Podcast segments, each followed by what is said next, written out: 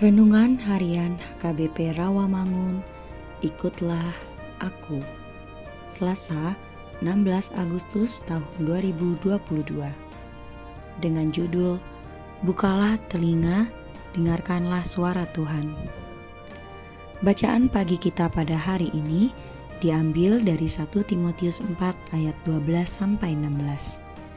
Bacaan malam kita pada hari ini diambil dari 1 Yohanes 4 ayat 1 sampai 6. Dan kebenaran firman Tuhan pada hari ini diambil dari Yesaya 55 ayat 3 yang berbunyi Sedengkanlah telingamu dan datanglah kepadaku. Dengarkanlah maka kamu akan hidup. Aku hendak mengikat perjanjian abadi dengan kamu menurut kasih setia yang teguh yang kujanjikan kepada Daud. Demikianlah firman Tuhan. Sahabat ikutlah aku yang dikasihi Tuhan Yesus, bangsa Israel yang telah meninggalkan Allah dan kebenarannya kini diundang oleh Allah untuk kembali kepadanya dan dikembalikan kepada persekutuan dan berkat.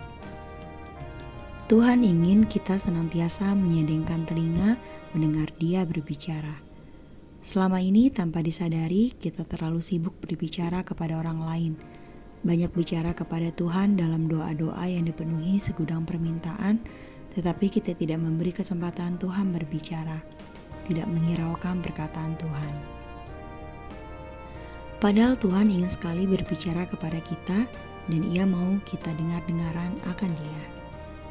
Tuhan berbicara kepada kita dengan berbagai cara, termasuk melalui hamba-hambanya yang ia percaya untuk menyampaikan isi hatinya. Mendengarkan Tuhan berbicara adalah langkah menuju kepada kehidupan dan berkat. Ketika Tuhan berfirman untuk memberitahukan segala rencananya, Nuh mendengarkan dengan baik, lalu melakukan apa yang Tuhan firmankan kepadanya.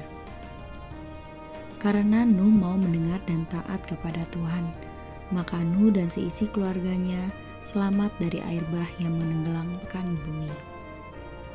Maksudnya, banyak mendengar firman Tuhan dan taat melakukan firman-Nya, kita pasti diselamatkan serta diberkati. Amin. Marilah kita berdoa. Tuhan Yesus, berikanlah kepada kami telinga yang mau selalu mendengarkan suara Tuhan berbicara. Amin. Demikianlah firman Tuhan.